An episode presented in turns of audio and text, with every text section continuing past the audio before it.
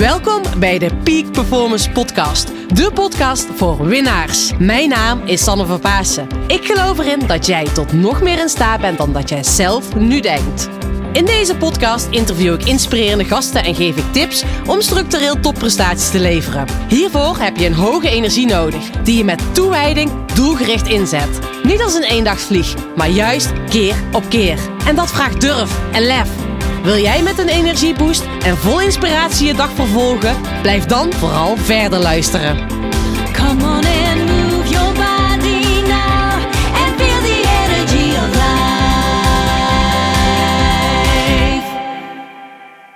Super, tof dat je weer luistert naar een nieuwe podcastaflevering. Vandaag staat er een inspirerende podcast op de planning samen met Anne Rijmakers. Nou, ik vind het gewoon zo mooi dat ik keer op keer zulke mooie gasten mag interviewen voor de Peak Performance podcast. Maar wat ik, waar ik nog misschien wel blijer van word, is dat ik ook zulke toffe reacties van jullie krijg. Dus dank jullie wel daarvoor en gaaf dat jullie zo met de inspiratietips aan de slag gaan. Nou, Anne Rijmakers, een powervrouw. En ik heb Anne een tijdje geleden leren kennen tijdens een event waar ik mocht spreken. En toen kwam Anne naar mij toe van, joh, jij bent een powervrouw, Sanne. Ik zie hier een jonge, jongere versie van mezelf staan. En dat vond ik wel heel leuk, lief, tof compliment. En we raakten aan de praat. En ja, ik was gewoon een heel mooi gesprek. En toen begon ze ook over haar boek. En achter de schermen ben ik zelf ook nog met een heel tof project bezig waar we uren over hebben kunnen praten.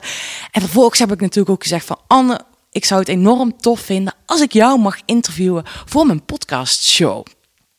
Nou, Anne is echt een inspirerende onderneemster. Is echt een powervrouw in mijn ogen. Eh, ze, ze zegt, hè, ze geeft ook aan, ik ben een echte avonturier. Ze is een eeuwige optimist. En dat voel je ook op het moment dat je bij haar bent.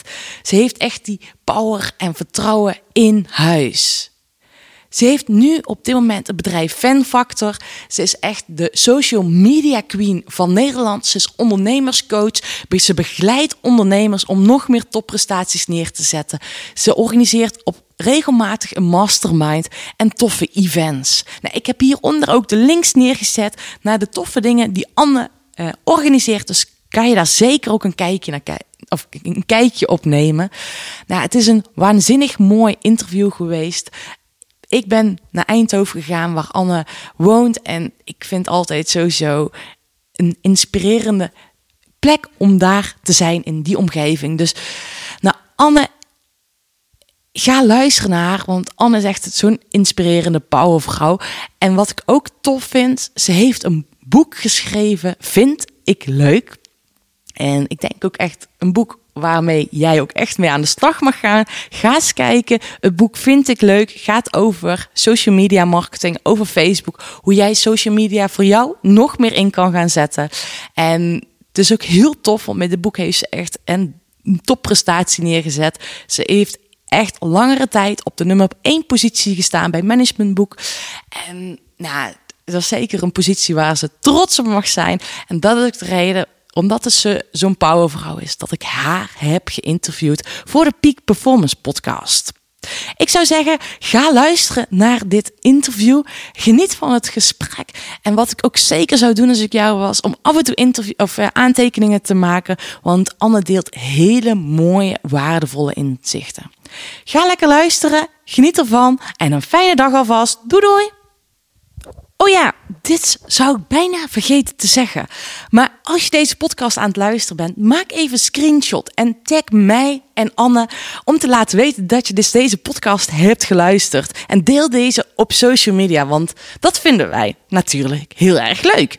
Dus laat ons even weten en uh, veel luisterplezier. Doei doei! Lieve luisteraar, tof dat je weer luistert naar een nieuwe podcastaflevering. Vandaag ben ik in Eindhoven op een heel mooi plekje waar ik regelmatig kom, maar nu niet beneden, maar boven. Ik ben namelijk op Strijp S, is dit hier. Ik ben te gast bij Anne Rijmakers. Anne, dankjewel dat jij mij hier, uh, dat ik hier mag zijn. Nou, graag gedaan. En jij uh, heel hartelijk welkom. Ja, leuk plekje. Mooie, inspirerende plekken. We kijken hieruit. Uh, nu ondertussen is, komt er een mooie regenbui aan. Maar dat maakt voor ons niks uit. Dan zitten hier op een hele mooie plek. Anne, de eerste vraag die ik heel vaak aan mijn gasten stel is... Waar krijg jij het meeste energie van? Waar krijg ik energie van? Nou, ik denk wel van werken. Ehm, creatief eh, werk, denk ik wel dat ik er heel veel energie van krijg. Van vroeg opstaan. Avond vroeg opstaan. Ja. Van dansen. Van dansen? Oh, en nu zeg je vroeg opstaan. Hoe, hoe vroeg sta je op? Vijf uur. Vijf uur. Iedere dag? Iedere dag. Iedere dag? Nou, misschien in het weekend om zeven uur. En zeven uur. En hoe laat ga je dan naar bed? Nou, half tien, tien uur eh, lig ik er wel in. Ja. En wat maakt het je dat je om vijf uur opstaat? Dan ben ik wakker. Dan ben je wakker. Ja. Daar hoef je geen wekker voor te zetten. Nee, nee, ik zet nooit een wekker. Nee, tenzij er belangrijke afspraken zijn, maar dat hoeft eigenlijk dan niet. Maar voor je gemoedsrust, dan zet je de wekker. Ja. Maar ehm, ja, ik ben, ook, ben gewoon altijd vroeg wakker. Ik ben een ochtendmens. Oh, lekker. Heerlijk. En is het altijd zo geweest? Ja, dat komt voort uit eh, mijn eh, eerste bedrijf. Wat ik had eh, in de jaren negentig. Daarvoor moest ik heel vroeg opstaan. Want ik had namelijk een wekdienst. Oh ja? Sommige mensen wilden al om drie uur gewekt worden. Sommigen om vier uur, sommigen om vijf uur. Ja, als ze bijvoorbeeld een vliegtuig moesten halen of zo, weet ik veel Ja. wat. En eh, dus dan stond ik, toen eh, stond ik heel vroeg op. En eh, in combinatie met het feit dat je dan zeg maar al 's ochtends heel veel werk gedaan kunt hebben voordat de kinderen wakker waren. Die toen nog klein waren natuurlijk. ja, was voor mij een ideale oplossing. Oh, dat is, en, maar jouw, we- je had toen een bedrijf om andere mensen te wekken. Ja, Oh, dat is wel ideaal. In combinatie met jonge kinderen, jong gezin. Ehm, aan de Ja. andere kant kan ik me ook wel voorstellen... als je kinderen dan ook nog wakker worden. Nee, die werden daar niet van wakker. Die waren er wel gewend. Hè, Ik praat je over 30 jaar geleden. Toen eh, hadden we dus eh, geen internet. En uh, dus je had, we hadden ook geen mobiele telefoons. Hè. Tegenwoordig zet je je telefoon aan als wekker of zo. Uh, en, dat bestond allemaal niet. Nee. En um, ja, ik, ik, het was een ideale oplossing voor mensen die uh, gewoon niet wakker werden van hun wekker. Ja. Van telefoon word je wakker, hè? Ja, ja, klopt. Maar jij ging hen dus bellen? Ik ging hun bellen, ja. Oh, mooi. Goedemorgen, het is tijd om op te staan. Ja, zoiets. En dan maakte ik een klein praatje dat ze echt wakker waren. Oh, ja? Ik had ook de sluimerservice. Dan belde ik na tien minuten nog een keer. Ah, geweldig. Ja. En hoe ben je bij dat idee gekomen? Ja, dat weet ik niet. Ik, had, ik, heb, ik heb altijd van die wilde ideeën. Ja. Nog steeds hoor, Nog dagelijks. steeds. Ja. Uh, en um, ja, dat, dat, iedereen dacht, iedereen zei ook van, een wekservice, wie gaat dat nou doen? Maar ik dacht, dat is, dat, dat is ideaal, dat ga ik doen. En, en, uh, en dat werkte ook. Ja. Ik had best wel veel klanten. Ja, superleuk. Oh, heel erg tof. Ja. En Anne, voor de luisteraars, en misschien is het wel even leuk om jezelf of ons even mee te nemen in het verhaal van toen destijds die wekservice naar datgene wat je nu doet. Um, want ja, je wekt misschien andere mensen ook wel op op een andere manier natuurlijk. Maar wat, wat voor transitie heb jij gemaakt? Ja, ik hoop dat ik heel opwekkend ben. Dat sowieso. uh, ja, nou ja, ik ben denk ik ook wel iemand die, die mensen graag wakker maakt, door elkaar schudt. Um, uh, ja, met alles met liefde natuurlijk. Uh, maar soms niet zo zachtzinnig als je wel zou willen. Maar dat bedoel ik niet lichamelijk, maar ik ben best wel streng. Ik, ik, zeg de waarheid tegen je. En ik zeg ook dat je op moet schieten. En dat je nou eindelijk eens mee moet beginnen. Um, en um, ja, daar hou ik van. Dus um, als mensen dat niet leuk vinden, moeten ze geen klant worden bij mij. Uh, want uh, wat, ik, wat ik wil is uh, alle slapende ondernemers wakker maken. Want die zitten gewoon te slapen. Ja. Zoveel ondernemers hebben gewoon niet door op het moment wat werkt. En hoe ze het moeten doen, terwijl het doodsimpel is. En ja, dat wil ik. ik wil hen wakker maken, ik wil hen wakker schudden en ik wil hen ook leren om dat te doen en daardoor een bedrijf te, te doen groeien. Mooi. En je zegt eigenlijk heel simpel, of je zegt het is heel simpel. Ja.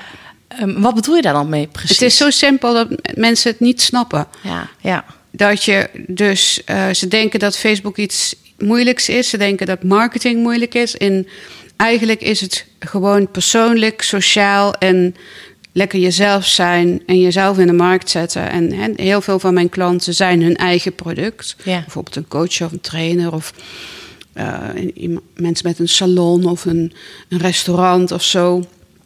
En ehm, ze denken dat marketing formeel moet zijn en, en moeilijk en interessant. En dan denk ik, eh, laat maar los. Ben maar gewoon lekker jezelf. Want de mensen gaan zaken doen met jou. En, en mensen doen zaken met mensen. Ja. Mensen doen niet zaken met een, eh, met een product. Mensen doen zaken met mensen. Ja, en, en dat is heel mooi. Je bent Facebook marketing expert. En je, jij, Onder andere. Onder andere. Maar niet onder andere, maar je bent, hebt ook pas daar over dit topic een heel mooi boek geschreven. Van, vind ik leuk. Ja.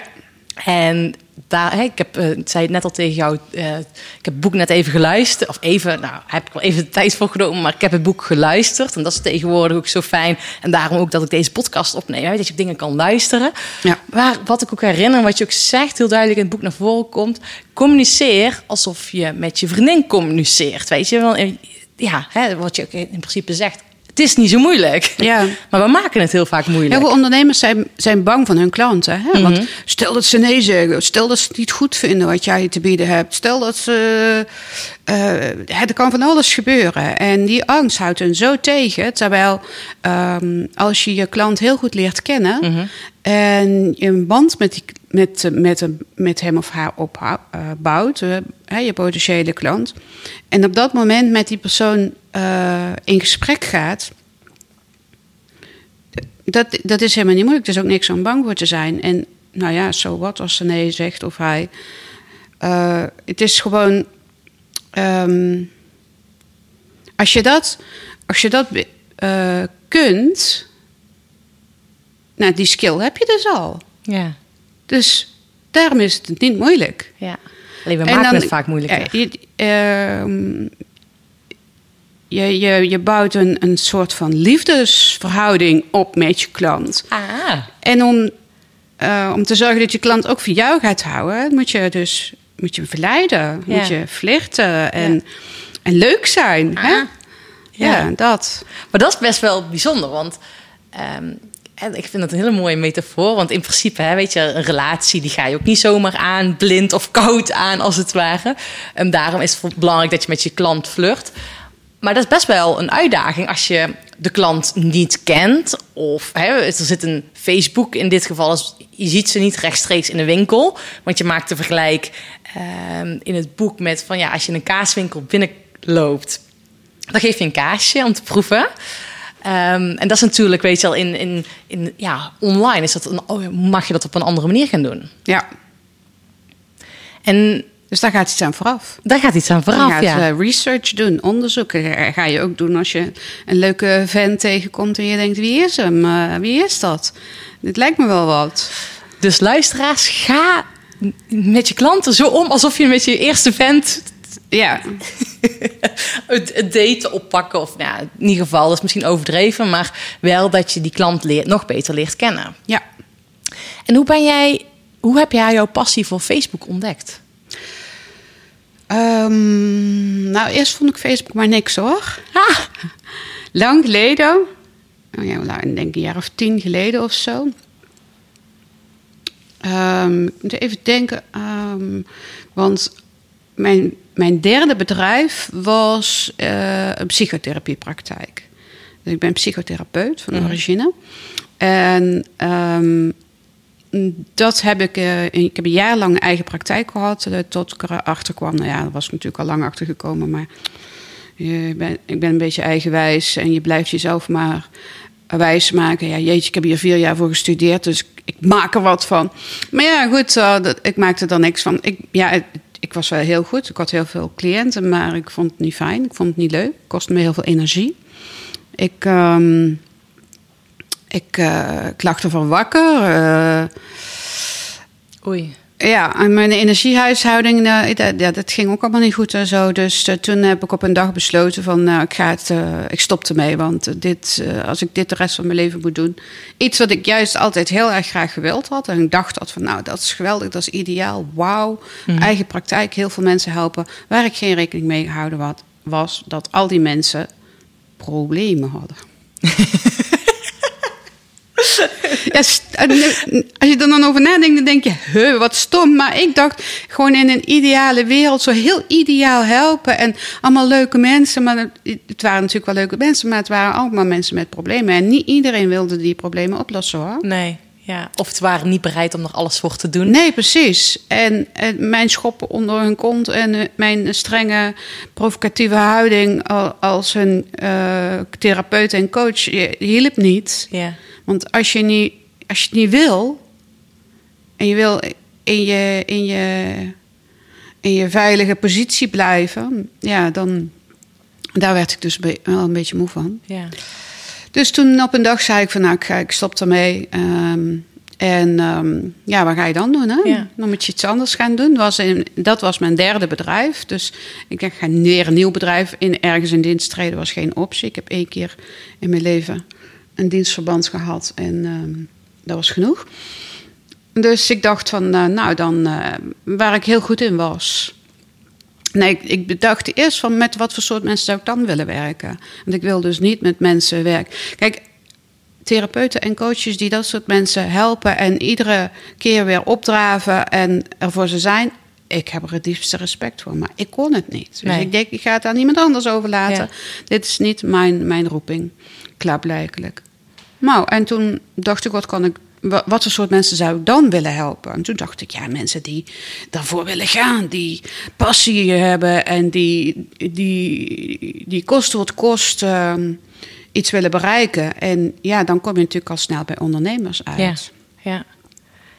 En ik had op dat moment al best wel veel cliënten die ondernemer waren. Dat was zo gegroeid omdat ik heel veel eh, cliënten wierf op LinkedIn Ah. destijds. Ja. Ik vond LinkedIn superleuk. Eh ik zat eh, helemaal verder nergens op, op eh, alleen op Twitter en op LinkedIn. En ik vond dat zo'n leuk platform. En ik kwam daar in contact met heel veel mensen en ook potentiële cliënten. En dat, dat werkte als een trein.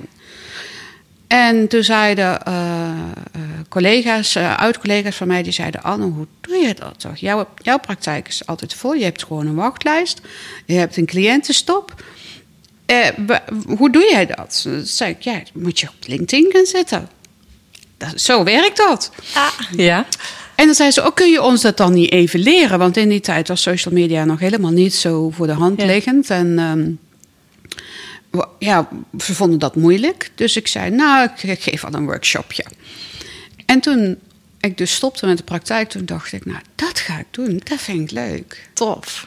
Maar dan ben je in eerste instantie met LinkedIn begonnen. Ja, gaf ik Ah. LinkedIn-workshops. En hoe Ja. ben je, is die transitie dan ontstaan Nou, en Facebook? eh, wat ik toen deed als marketingtool was bloggen. Ah, ja. Dat doe ik nog steeds, heel fanatiek. En dat deed ik toen ook al. Eh, dus ik blog al tien jaar, zeg maar, iedere week eh, publiceer ik een blog. En, en ik deed ook twitteren. Tegenwoordig vind ik Twitter een beetje een aflopende zaak, maar toen was dat nog heel leuk. Ja. En toen dacht ik van naast LinkedIn workshop kan ik ook bloggen en, en Twitter gaan wegleren. Dus toen ging ik BLT workshops houden. Blogger, LinkedIn workshop. ja. Eh, eh, blogger, Twitter. LinkedIn, Twitter. Ging ik, en dat was een groot succes. En een, eh, en er zat ik soms 50 mensen in zo'n workshop. Dat was meer een event natuurlijk. En, Ja. Ehm, en dat liep als een trein. En dan aan het einde van die workshop, of dat event, zeiden de mensen tegen mij: Anna, wat heb je nog meer? Ja. Ja. Doe je ook eh, Facebook? Ik zei: Nee, Facebook moet je echt niet doen, dat is niks. Ja. Ja. Nee, dat, eh, dat doe ik niet. En toen zeiden ze, ja, maar eh, ik heb gehoord dat Facebook marketing, dat was toen hot.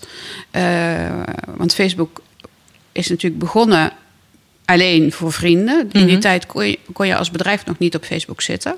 En dat kwam toen. Eh, en dan moest je een pagina maken. En dat was heel moeilijk. Tegenwoordig is dat natuurlijk drie muisklikken. Maar dat, toen moest je daar een bepaalde app voor installeren. Nou, dat was allemaal heel moeilijk en zo. En ik was technisch ben ik eh, qua computers en internet altijd best wel heel goed geweest. Dus ik denk, nou, dan ga ik dat wel even uitvogelen. Dan leg ik jou wel uit hoe dat werkt.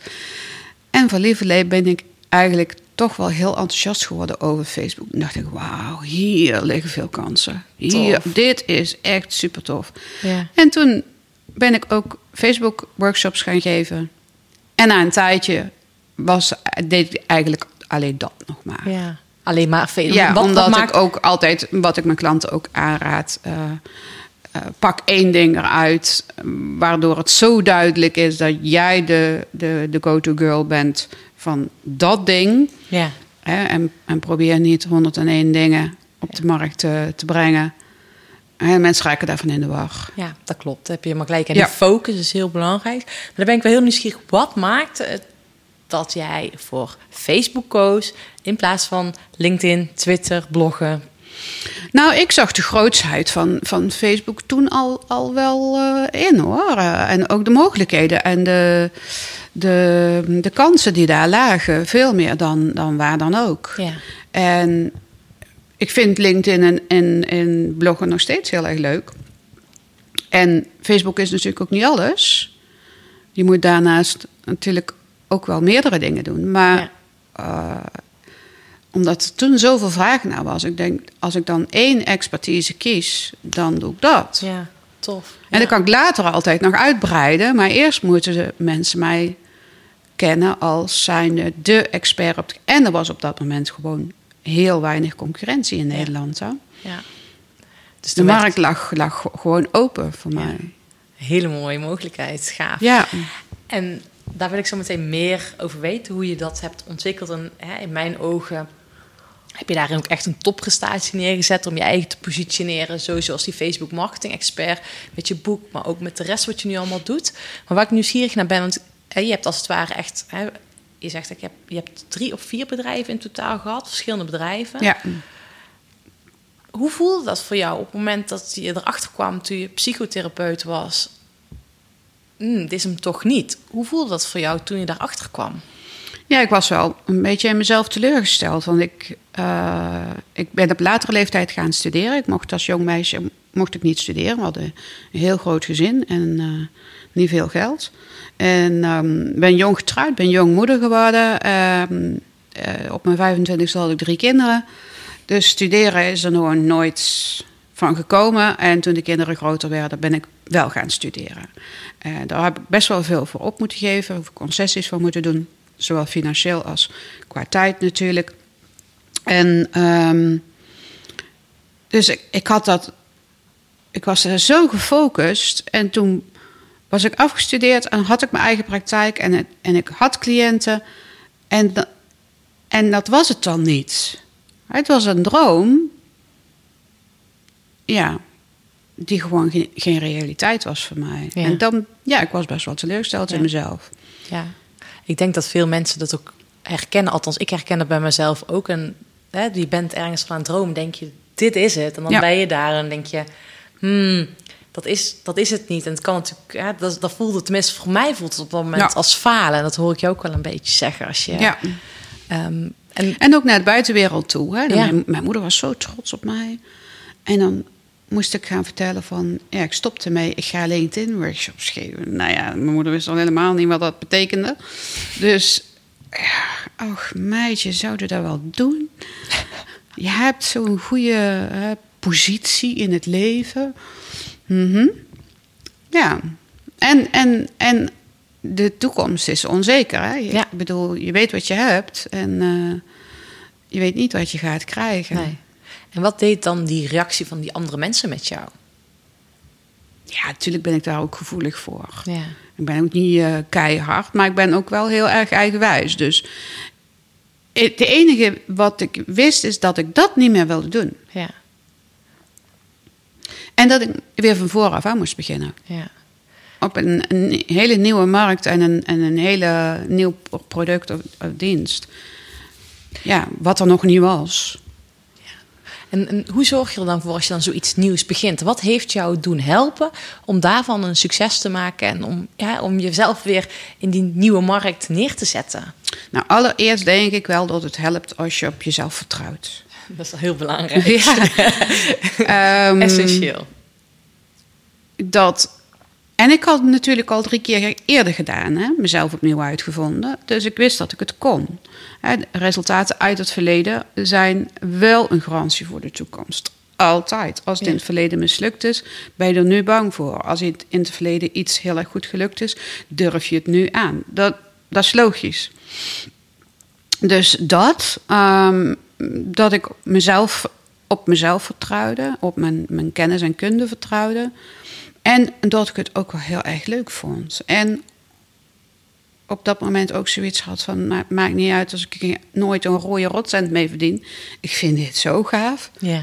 En daar kwam ook bij dat op het podium staan. Dat vond ik echt, vind ik nog steeds fantastisch. Een van de leukste dingen van mijn vak. Ja, mooi. Ja, en mensen eh, helpen eh, en dan zien dat ze met die resultaten gewoon het maken, weet je wel. Oh, ik zie soms mensen op Facebook voorbij komen die vijf, zes, zeven, acht jaar geleden mijn klant waren en ik zie ze floreren en ik zie ze het goed doen en ik ben zo trots op ze. En dan denk ik, wauw, ik hoef geen credits. Hè? Je hoeft niet tegen mij te zeggen, oh, je bent geweldig, bedankt. Nee, als ik dat zie, dan denk ik, oké, ik Ja. heb mijn doel bereikt. Gaaf. En dat is wat ik dus niet had in de praktijk.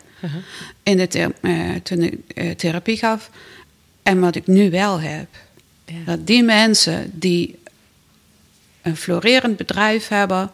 Door, dat ik ooit naast ze heb gestaan, achter heb, ze heb gestaan... en een schop onder zijn kont heb gegeven.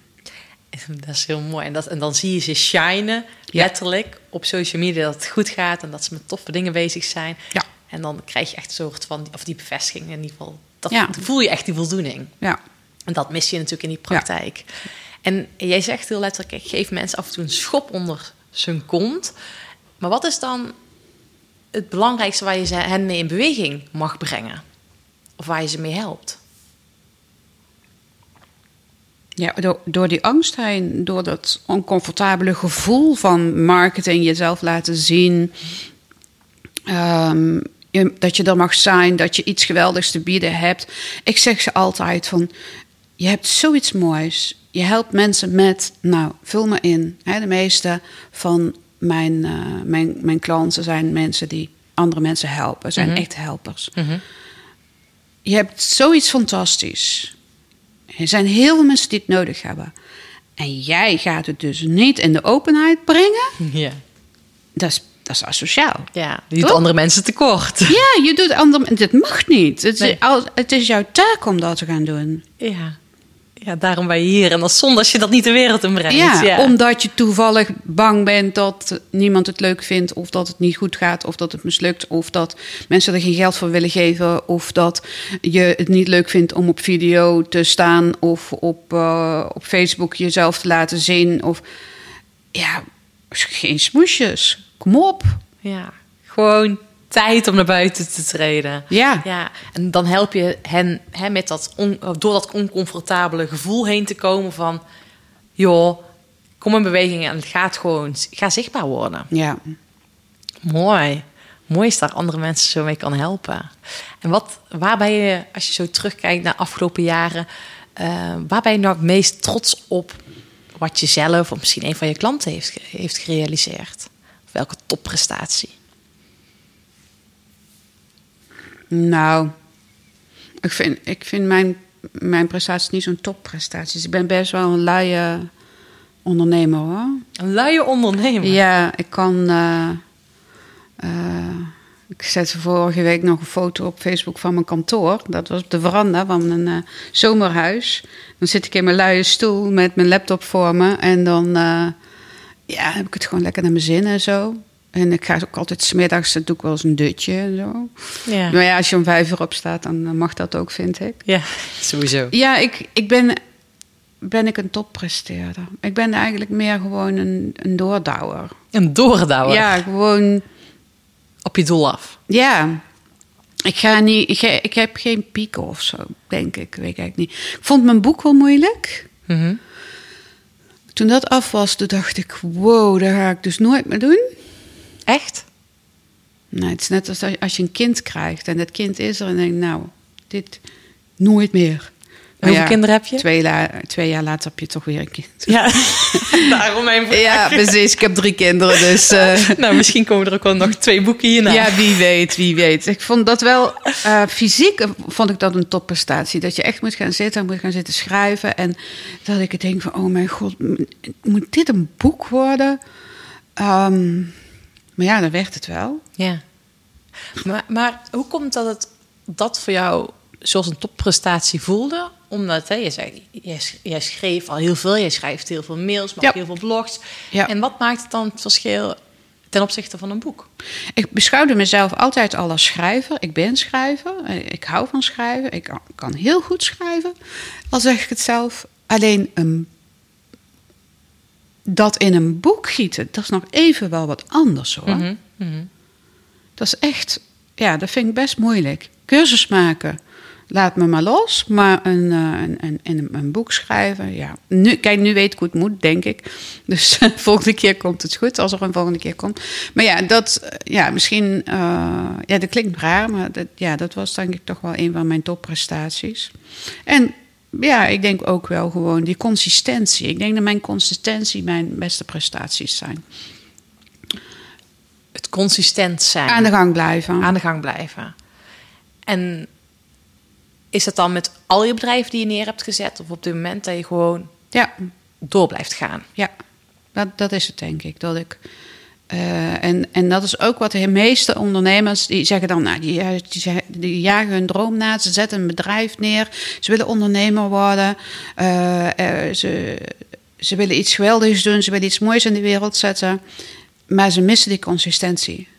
Want één keer iets op Facebook zetten, daar heb je niks aan. Eén keer een, een video opnemen of eh, één keer een blog schrijven, daar heb je niks aan. Je moet Nee. het gewoon iedere week doen en iedere dag. Ja. Je moet aan de gang blijven. Het, het, eh, eh, de mensen willen het. Ja.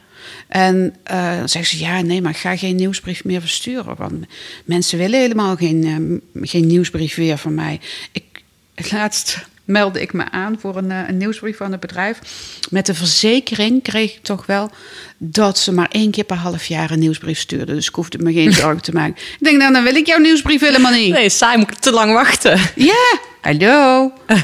dus eh, ik, ik, verstuur, ik stuur namelijk iedere dag een nieuwsbrief. maar het is Altijd, geen nieuwsbrief, dag? want het is niet iedere keer nieuws. Nee. Maar het is altijd, Iedere dag. iedere dag. Het eerste wat ik doe, s'morgens om vijf uur, schrijven. En, dan, en ik krijg gewoon antwoord op die, die, die, die, nieuwsbrief, tussen aanhalingstekens, want het is geen nieuws. Ehm, Je verhalen. Of je... Verstuur, ja, die verhalen verstuur ik naar 30.000 mensen iedere dag. En mensen antwoorden gewoon alsof ze- ik die mail alleen aan hun gestuurd heb. ja. Oh, Anne, dankjewel, dit had ik even nodig. Of eh, ik lig in een deuk. En dan, ja, dan krijg ik die antwoorden. En dan denk ik weer, zie je wel. ja, mooi. Ja. Mensen hebben dit gewoon nodig. Ja. En als je het niet wil, nou, dan, schrijf, dan schrijf je het er niet in. Nee, dan schrijf je weer uit. Ja. ja. Ik, had, ik heb net toevallig een, eh, een nieuwsbrief, nee, ik vind het geen nieuwsbrief, een mail gestuurd naar mijn mailinglist. Met een, eh, ik ga een nieuw traject draaien met een groep ondernemers. En ik vond het zo bijzonder. Ik had die mail verstuurd en ik had ook echt, wel, vanuit mijn hart even laten borrelen en even echt de tijd voor genomen. En toen had ik een Instagram story gemaakt van jongens, ik heb net een speciale mail eruit gestuurd en ik ben wel een beetje excited. En was ik ook even mee bezig geweest om die stories te maken. En toen kom ik terug naar mijn computer. En dan had ik al gewoon, vond ik, vond ik echt veel, acht aanmeldingen die zeggen, ja, ik wil meer informatie. En volgens mij net voordat ik hierheen ging, was het aantal verdubbeld. Ja, en dat vind ik zo waanzinnig. ja. Dat je als zo... en als je dat soort resultaten krijgt, dan, dan wil je wel. Dan, Ja. dan ga je het volhouden. Dan ga je die maar je moet het wel gaan doen eerst. Ja. Want anders krijg je geen resultaten. Ja, en ik heb ook wel eens een mail dat ik geen antwoord krijg. Ja, Tuurlijk. Ja, dat, Ja, de Maar- ene, ma- de- het is ook wel eens ooit een iets mindere mail. En soms, sommige mails zijn gewoon heel erg leuk. En een eh, andere, ja, minder. Weet ik het. Maakt Ja. niet uit. Hoe heb je ontdekt dat je schrijven zo leuk vindt?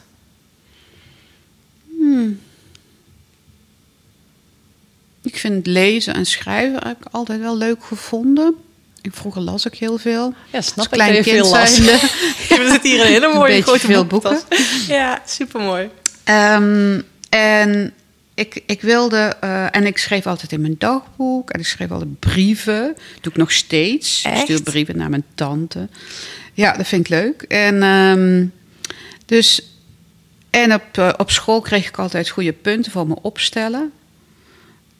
Dus ik had één keer had ik een 10 min voor een opstel. En het kwam omdat ik één woord, een spelfout had geschreven. Oh. Oh, dan kan ik mezelf op mijn kop slaan. Hè? Dat- Dat weet ik nu dus nog welk woord dat, dat was. Hè? Oh. Dat was het woord portie. En had ik met, met een S geschreven in plaats van een T.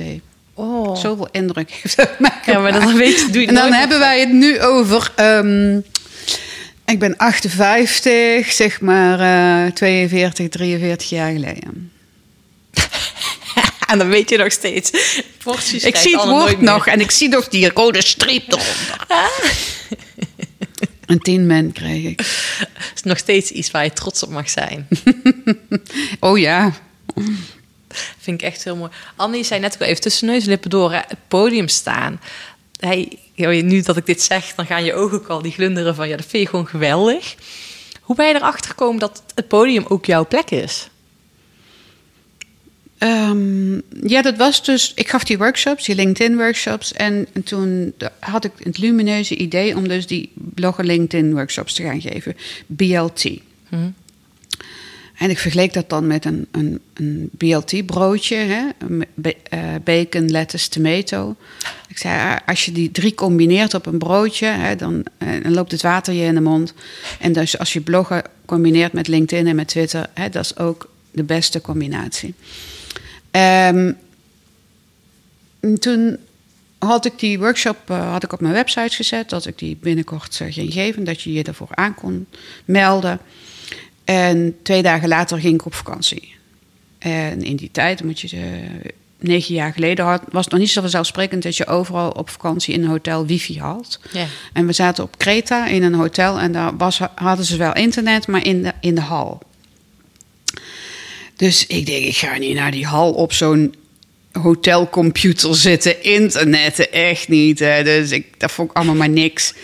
Ehm, dus we waren al een paar dagen op Kreta, dag of vijf of zo. Ik zeg, nou Bart, ga even mijn mail checken. ehm, want ik had toen nog geen mensen in dienst. En mijn bedrijf was natuurlijk onbeheerd achtergebleven. Er was niemand die het fort bewaakte. Maar ja, dat was ook niet nodig, dacht ik. En ik eh, logde in en de e-mail kwam binnen en hadden zich 30 mensen aangemeld. Oh, Maar er konden maar 10 mensen in die workshop. ik deed workshops voor 10 mensen. ik denk, wat is dit? En dan kwam maar binnen, en dan kwam maar binnen. Ik, ik raakte helemaal in paniek. grappig. Ik denk, oké, nou, als het, dan, als het dan 30 mensen komen, dan maak ik er een event van. Iets andere insteek. Uiteindelijk zijn er 80 mensen gekomen op dat, op dat event. Die eerste BLT. En, ehm, 80 op je eerste workshop. ja. En nou ja, ik had daarvoor al wel workshops Ja. gehouden, maar dat eerste, de eerste BLT was, eh, had ik 80 deelnemers. Goh. En ik stond op dat podium en ik dacht van, wauw, dit is, dit is. Dit is geweldig, dit vind ik leuk. En dan, dat je daar staat en je, je, je verte- je vertelt iets en de mensen luisteren naar jou. En ze, iets wat voor mij heel vanzelfsprekend was en, en, eigenlijk- en helemaal niet moeilijk. Maar mensen die, die hingen aan mijn lippen en, en ze klapten. En ik denk, wow. Gaaf. Ja, En dat smaakte naar meer. ja, ja, absoluut. Dus daarna heb ik nog wel, nou, ik denk misschien wel, wel, wel 80 events gegeven. Zo. En hoeveel events geef je nu op jaarbasis? Ah, drie à vier. Ja. Drie à vier. Het is wel heel veel werk, want er zitten inmiddels eh, zo'n, steeds zo'n 200, 250 mensen in op zo'n event. Ehm, Zo. eh, en ik, ik doe het niet meer allemaal zelf. In het begin deed ik alles zelf, tot en met de koffie ingieten, bij wijze van spreken. Ja. Hè? Dat doe ik ook niet meer. Ik laat het gewoon allemaal regelen. Ik wil gewoon op dat podium staan en da- me daarop concentreren. En, en de mensen het beste geven van het beste. En ehm, Sarina, mijn dochter, is mijn event manager en personal assistant en nog een heleboel meer. Ehm, zij regelt alles, dus eh, ja, dat is wel fijn. Zo. Ja. Dat is trouwens ook wel heel erg fijn dat je zo met je dochter kan samenwerken. Ja, ja, inmiddels is het met zwangerschapsverlof. Dus dat is dan weer minder. Ik mis er ontzettend. Het heeft wel een vervanger, maar dat is, dat is een fantastische meid. Maar eh, ja, ze is niet Sarina. Nee, dat snap ik. dat snap ik. Ja, ik snap dat je er moet missen dan. Maar dat is wel geweldig als je dat samen neer kan zetten. Maar wat, hè? Want je zegt al eigenlijk, hè, van je geeft dus grote events, hè, voor 200, 250 mensen, zeg je. Dus ja, je fietst daar even letterlijk overheen. Maar dat zijn eh, in mijn ogen ook gewoon topprestaties als je dat neerzet. Ehm, Maar dan ben ik niet moe s'avonds, hè? ben je niet moe Nee, s'avonds? nee, absoluut niet. Nee, dan Nee, dan kan ik s'avonds nog wel, nog wel een eventje doen. echt? Ja, vind ik fantastisch. Oh, gaaf. En heb je dan ook bepaalde dingen die je zegt van dat heb ik ook echt nodig om optimaal te presteren op dat podium? Want eerst zeg je, eerst deed ik wel de koffie, bij wijze van spreken, zelf inschenken. Ehm, Ja, dat loslaten. Inderdaad, al het geregelde rondom. En, en, en ook romslomp hoor, want dat is, zit er natuurlijk ook eh, aan vast. Ehm, en voor de rest, eh, ik ben niet ehm, zenuwachtig of zo. mhm. Dat heb ik nooit gehad. Ik snap het als mensen het wel zouden zijn, maar ik ben nooit zenuwachtig. Ehm, en, en, en ik moet gewoon heel veel. eh, ik voel dan heel veel liefde.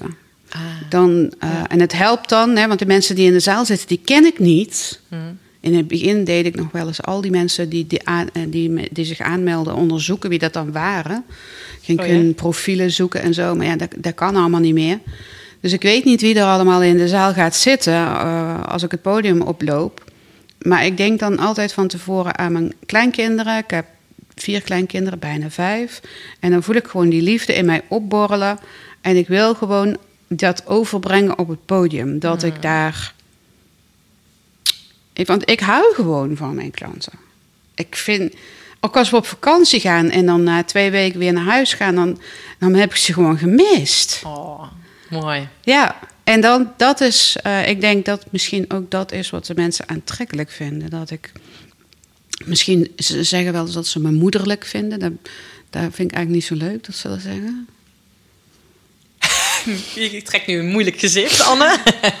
Moeder Anna. Maar waarom denk je dat ze dat zeggen? Ja, dat weet ik niet. Ja, omdat ik moeder en oma ben misschien. En, en zij, heel veel van mijn klanten zijn dat, zijn dat ook. Hè. Die herkennen zich in mij. Hè. En ik heb natuurlijk eh, drie, vier bedrijven neergezet. Het eerste bedrijf en het tweede bedrijf in een tijd dat ik alleenstaande moeder was van kleine kinderen. Geen rode cent te makken. En eh, ja, toch eh, het voor elkaar heb gekregen. Dus ja, als ik het kan, dan kun jij het ook. Ja. Denk ik dan. Ja, ja, ja. ja, ja. Want eh, moeilijkere omstandigheden kun je één niet hebben hoor. En, en in, dan heb ik het dus over de jaren negentig. Dat was ook crisis. Hè? ja. Moet je zien. Ja. Ja. En ik vind dat wel mooi, want dat, jij zegt, ik ben, jij zet mensen echt aan en jij kan best, zou je- misschien, ik weet niet of het goede woord is, direct zijn van, kom maar op. Weet je, als ik dat kan in die tijd, kan jij dat ook. Ja. Dus Ja. kom op, niet lullen, maar poetsen. Ja, Aan de slag. ja. Ik ben, ik ben alle vier de bedrijven gestart met nul euro eh, investering. Dat je...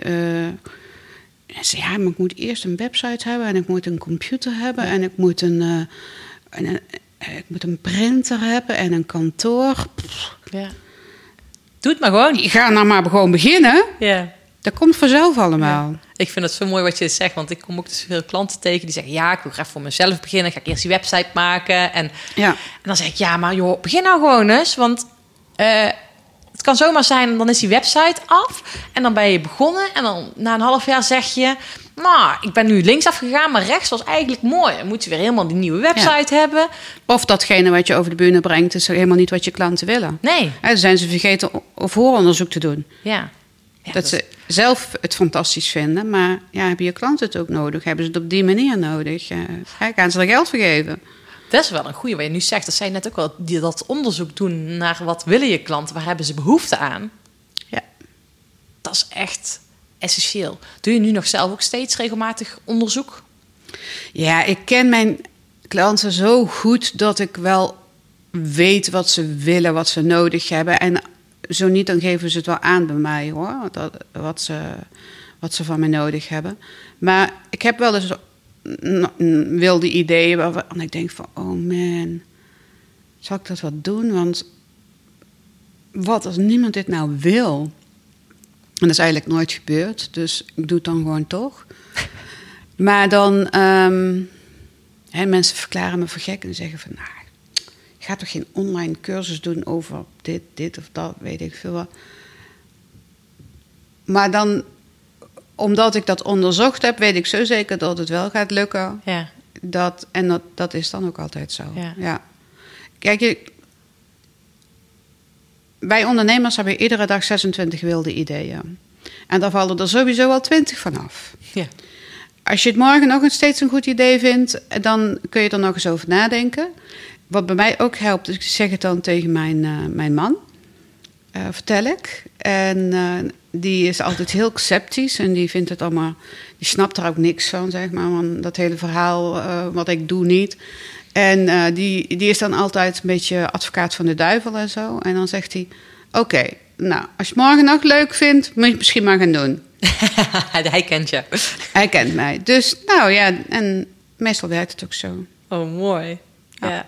En bij mij borrelt dingen, borrelen dingen heel lang. Ik doe daar echt. En dat, dat is ook wat ik net bedoelde met ik ben- dat ik een luie ondernemer ben. Of ik denk heel lang over dingen na. Totdat ik denk van ja, nu ga ik het doen. Ja, dat je ge- gekristalliseerd hebt voor jezelf. Oké, eerst met een vaag idee meer helder hebt. Bedoel je dat? Ja, en dat het vo- zo voelt als dat het, ja, dat het goed is. En dat ik denk van. Ja, en soms is tijdens dat hele nadenkproces, dat kan een dag duren, dat kan tien dagen duren, dat kan een maand duren. Dan verdwijnen die dingen. Ja. Nou, dan was het dus geen goed idee. Nee. Ja, ik herken dit wel, wat je zegt. Gewoon dat je eerst heel erg lang ergens mee bezig bent. dat Dan op een gegeven moment dan vallen ze. Of ze vallen niet. Ja, precies. Ja. ja. En dat is wel eh de Ja. goede, goede ideeën En dan is het ook wel fijn om met, met mensen te werken die mij natuurlijk heel erg goed kunnen, kennen. Hè, dan, eh Serena heeft altijd hele goede ideeën, een goede inspraak. En dan zegt ze: Ja, je zegt niks. Wat vind je ervan? Oh, je moet zeker weer denken. Ja, inderdaad. oh, dat is mooi, ja. Dus ehm, ja, regelmatig nieuwe online cursussen. ehm, voor mensen fijn natuurlijk om de dingen online te kunnen doen. Dat ze, ze kunnen naar een event komen, ze kunnen naar een workshop komen, maar ze kunnen ook een online cursus doen als je niet wilt reizen. Ik heb heel veel klanten in België, dus eh, voor hen is het ook wel fijn dat ze de dingen gewoon lekker thuis eh, de Ja. cursus kunnen volgen. Ja. En eh, soms een combi- in een combinatie, live bijeenkomsten en daarnaast online lessen. ja, Dat soort dingen. tof. Ja. Dat werkt ook eh, het- beste. Ik vind ook, dat vind ik denk ik wel het allerbelangrijkste in mijn bedrijf. En ik denk ook wel wat het succes is, ge- is geweest in, in alle dingen die ik doe, is dat het offline, dat gewoon showing up in real life nog steeds heel erg belangrijk is. Ja. En tegenwoordig moet alles online en ik denk je moet gewoon ook mensen willen jou zien, mensen willen jou spreken, mensen willen jou in de ogen kijken.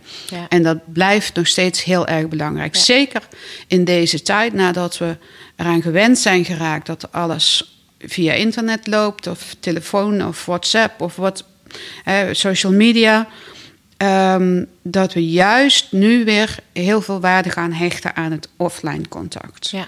En het echte met elkaar omgaan. ehm, hoe leuk online ook is, hè? want ik hou van internet, ik hou van social media, ik hou van eh, online, absoluut. En het is natuurlijk ook het succes geweest van mijn bedrijf, maar ik vind nog steeds het allerfijnste om gewoon de mensen te ontmoeten. Ja. Ja, maar ik merk dat bij mezelf ook. Weet je, als ik een traject bij iemand afneem, of mensen ook bij mij, het is toch ook gewoon fijn dat je gewoon eh, elkaar echt ziet. En ik heb dan het gevoel dat je doordat je elkaar in het echt ziet, maar ook online connectie hebt, dat Ja. je sneller de diepte in kan gaan. Ja. Omdat je het gevoel hebt, hé, hey, we kennen elkaar, ik heb Ja. een achtergrond, ik heb een beetje een feeling met wie Er is je bent. vooraf gegaan, Ja. inderdaad. Hè? Mensen die zien mij dan voor het eerst in het echt en dan zeggen ze... ik heb het gevoel dat ik je al heel goed ken. Ja, En dat is fijn, is natuurlijk, bijzonder. want dan heeft het dus gewerkt. ja. Maar dan is eh, toch nog even gewoon zo. Met, en daarom vind ik het ook fijn dat deze podcast zo in real life opnemen. Hè. Ik heb al wel eerder interviews en podcasts gedaan voor anderen. En eh, dat was altijd eh, via Skype of eh, Zoom. Maar ehm, ja, jij bent hier gewoon nou bij mij in de loft.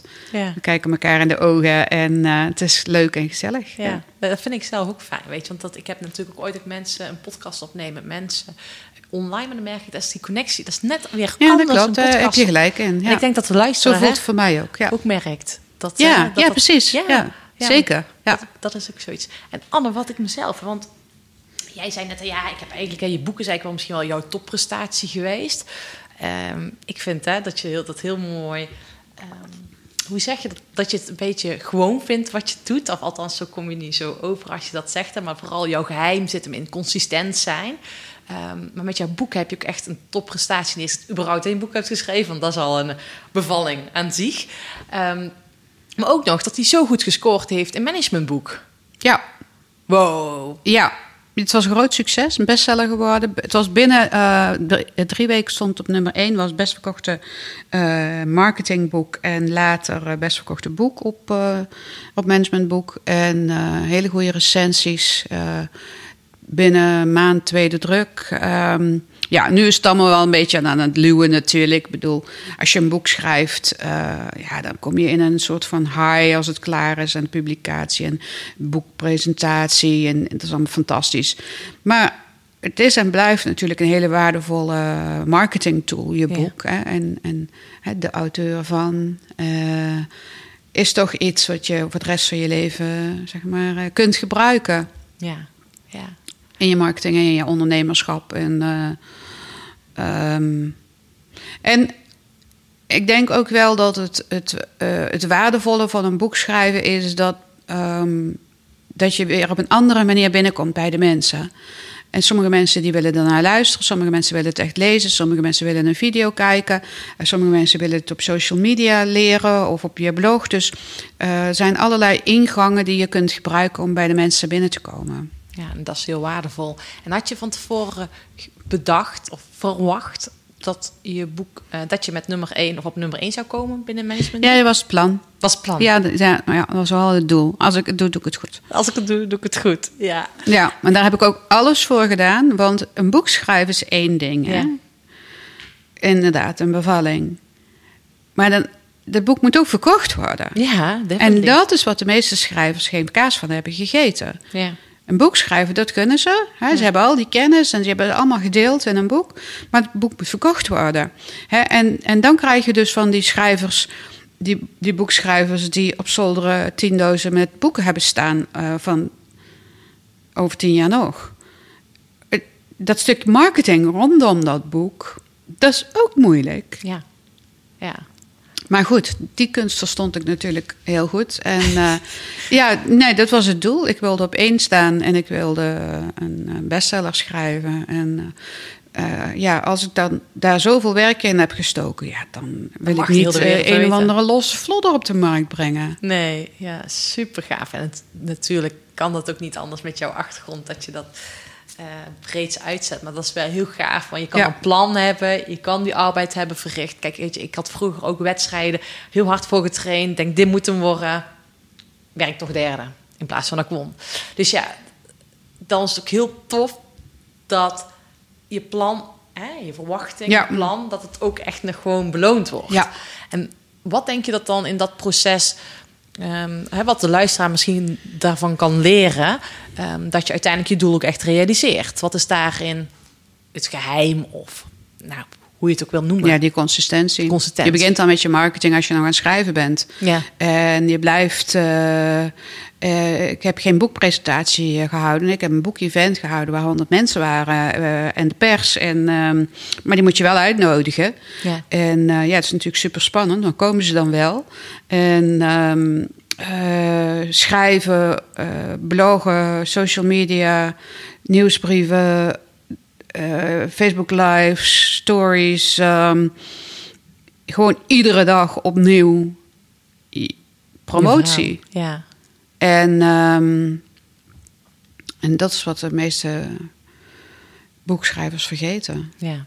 Dat, dat dat ook moet gebeuren. Ja. Of ze denken dat de uitgeverij het voor ze doet. Nou, Ja. dat kun je wel vergeten. Er zijn uitgeverijen die enigszins je marketing voor je doen. Maar ehm, ja, nooit zo intensief dat het eh, van- vanzelf een bestseller Nee. zou kunnen worden hoor. Nee, daar moet je echt wel werk eh, in stoppen. Dat kan ik me inderdaad voorstellen. En heb je voor jezelf ehm, nooit de schroom gehad dat je denkt... oh, daar kom ik weer met mijn verhaal? Nee. Dus je voelt zo die liefde van... Dit Ja, dat moet gewoon gebeuren, want anders ga, dan, dan levert het niks op. Dus, eh, en ik, ik zie wel die schroom bij heel veel van mijn klanten. eh, van, eh, ja, wie ben ik om dit te doen? Je- Wie ben jij? Dat is, dat is toch je missie? Dat heb je me zojuist verteld. Ja, ja, ja. maar dan moet je er wel wat voor doen. En ehm,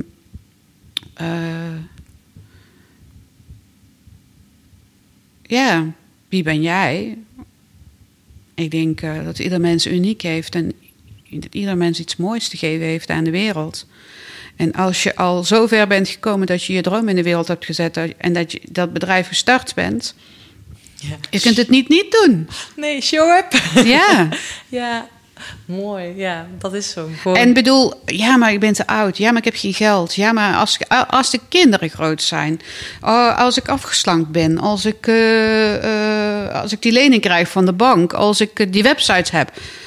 Pff, nou, ik kan wel nog honderd smoezen Ja. bedenken. Nee, het enige, enige reden Ja. is dat ze gewoon nu moeten beginnen. ik ben want- op mijn eh 49ste nog, nog, weer, nog weer een nieuw bedrijf gestart. Ook nog Ja. op het gebied van Facebook. Hè. De meeste Facebook-marketeers zijn snelle mensen die, oh, ja, die hier klikken, daar klikken... en je vervolgens eh, met je handen in het haar laten zitten. Ja, Nou, dat doe ik dus niet, want ik heb dat ook allemaal geleerd. Ik ben Ja. niet opgegroeid met computers, niet met Nee. social media, niet met internet. Ik heb dat Ja. ook allemaal moeten, moeten leren, dus ik weet waar je vandaan komt als het eh, allemaal eh, niet zo vanzelfsprekend is. ja, mooi. Heel mooi. Het is gewoon show up en ga het gewoon doen. Want dat zeg ik altijd mensen.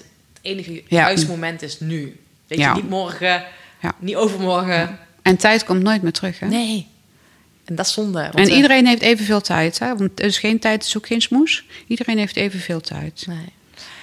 Anne, we kunnen zo nog een uur door eh, blijven kletsen. Zou maar niet doen, hè? Dat kunnen we doen, maar... Ehm, maar waar ik eigenlijk als laatste nog wel...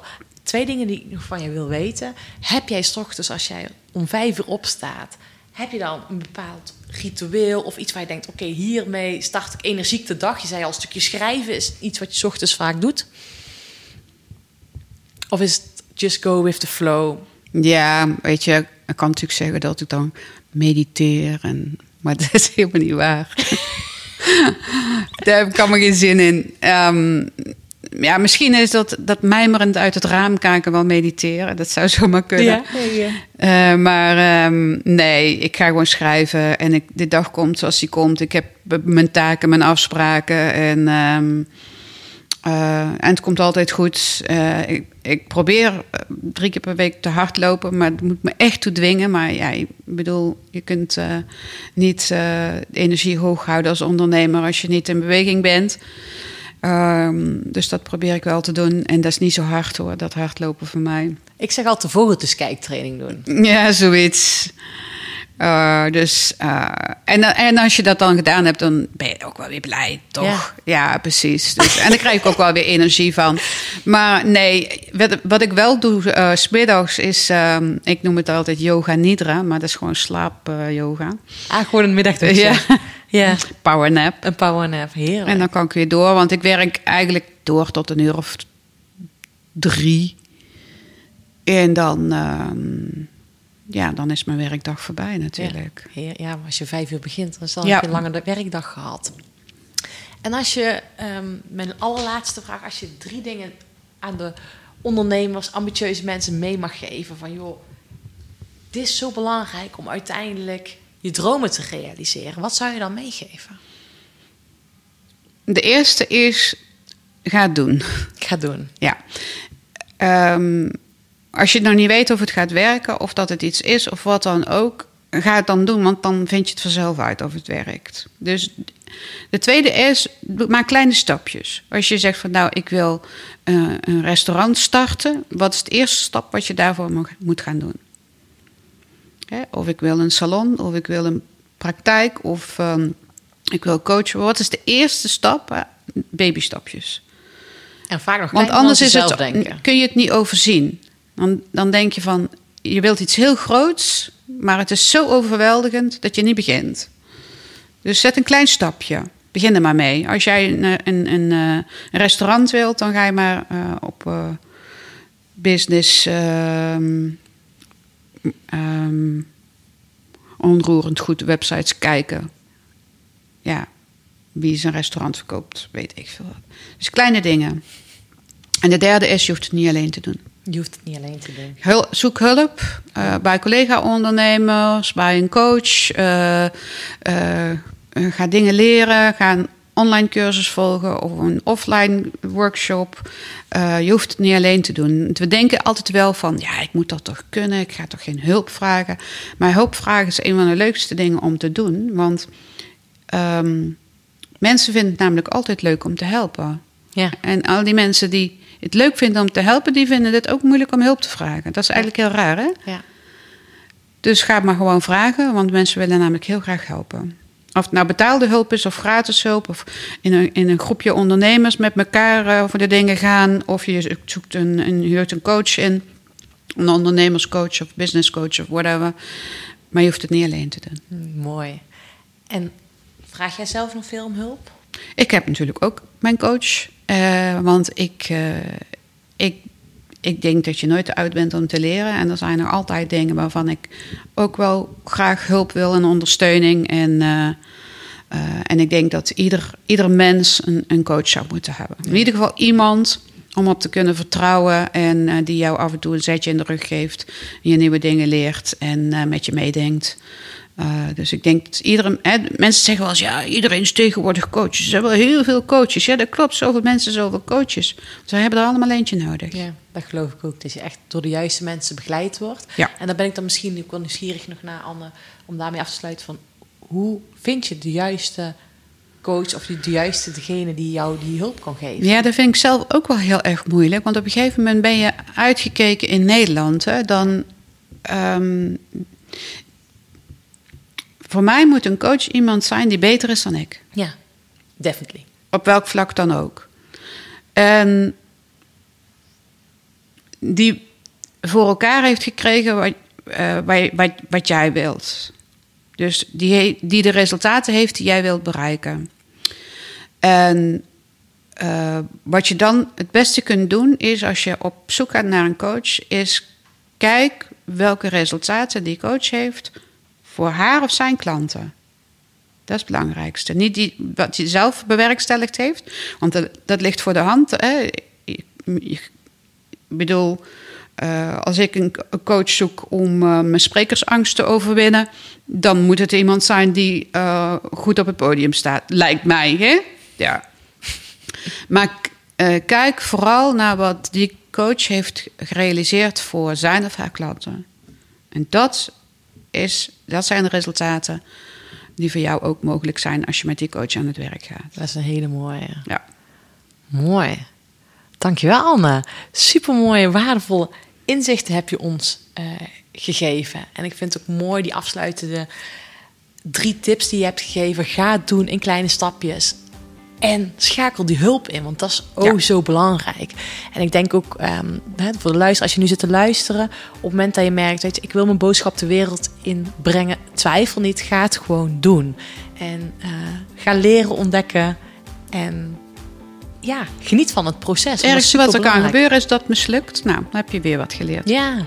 ja, en wanneer is het mislukt? Dat is ook een grote Precies, vraag. ja. Dus eh, ja, ik, ik denk dat wij dat allebei wel hebben. Dat we dingen hebben gedaan en je denkt, ja, misschien niet zo handig. Maar ik heb er wel van geleerd. Mislukken is zoveel leuker dan nooit proberen. dat is sowieso waar. Mooie afsluiter. Dankjewel, Anne. Graag gedaan.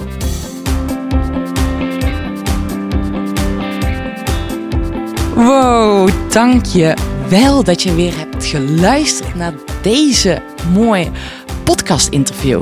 En ik ben ook weer zo blij dat ik deze mooie, inspirerende mensen allemaal mag interviewen. En ik vind het zo tof dat jij iedere keer weer deze podcastafleveringen luistert. Dus dankjewel hiervoor. Mocht je nog mij iets voor mij willen doen, zou ik je enorm dankbaar zijn als je een review achterlaat op iTunes. Of deel even een foto dat je nu deze podcast aan het luisteren bent. Maak even een screenshot. Deel dit online. Tag mij. En dan zo kan ik nog meer andere mensen inspireren om naar mijn podcast te gaan luisteren. Dat zou ik leuk vinden, dat nog meer mensen deze mooie interviews mogen horen. Nou, super bedankt. Tot de volgende keer. En ik wil je een hele fijne ochtend, middag of avond toewensen. Geniet ervan. Zet die lach op je gezicht en enjoy. Come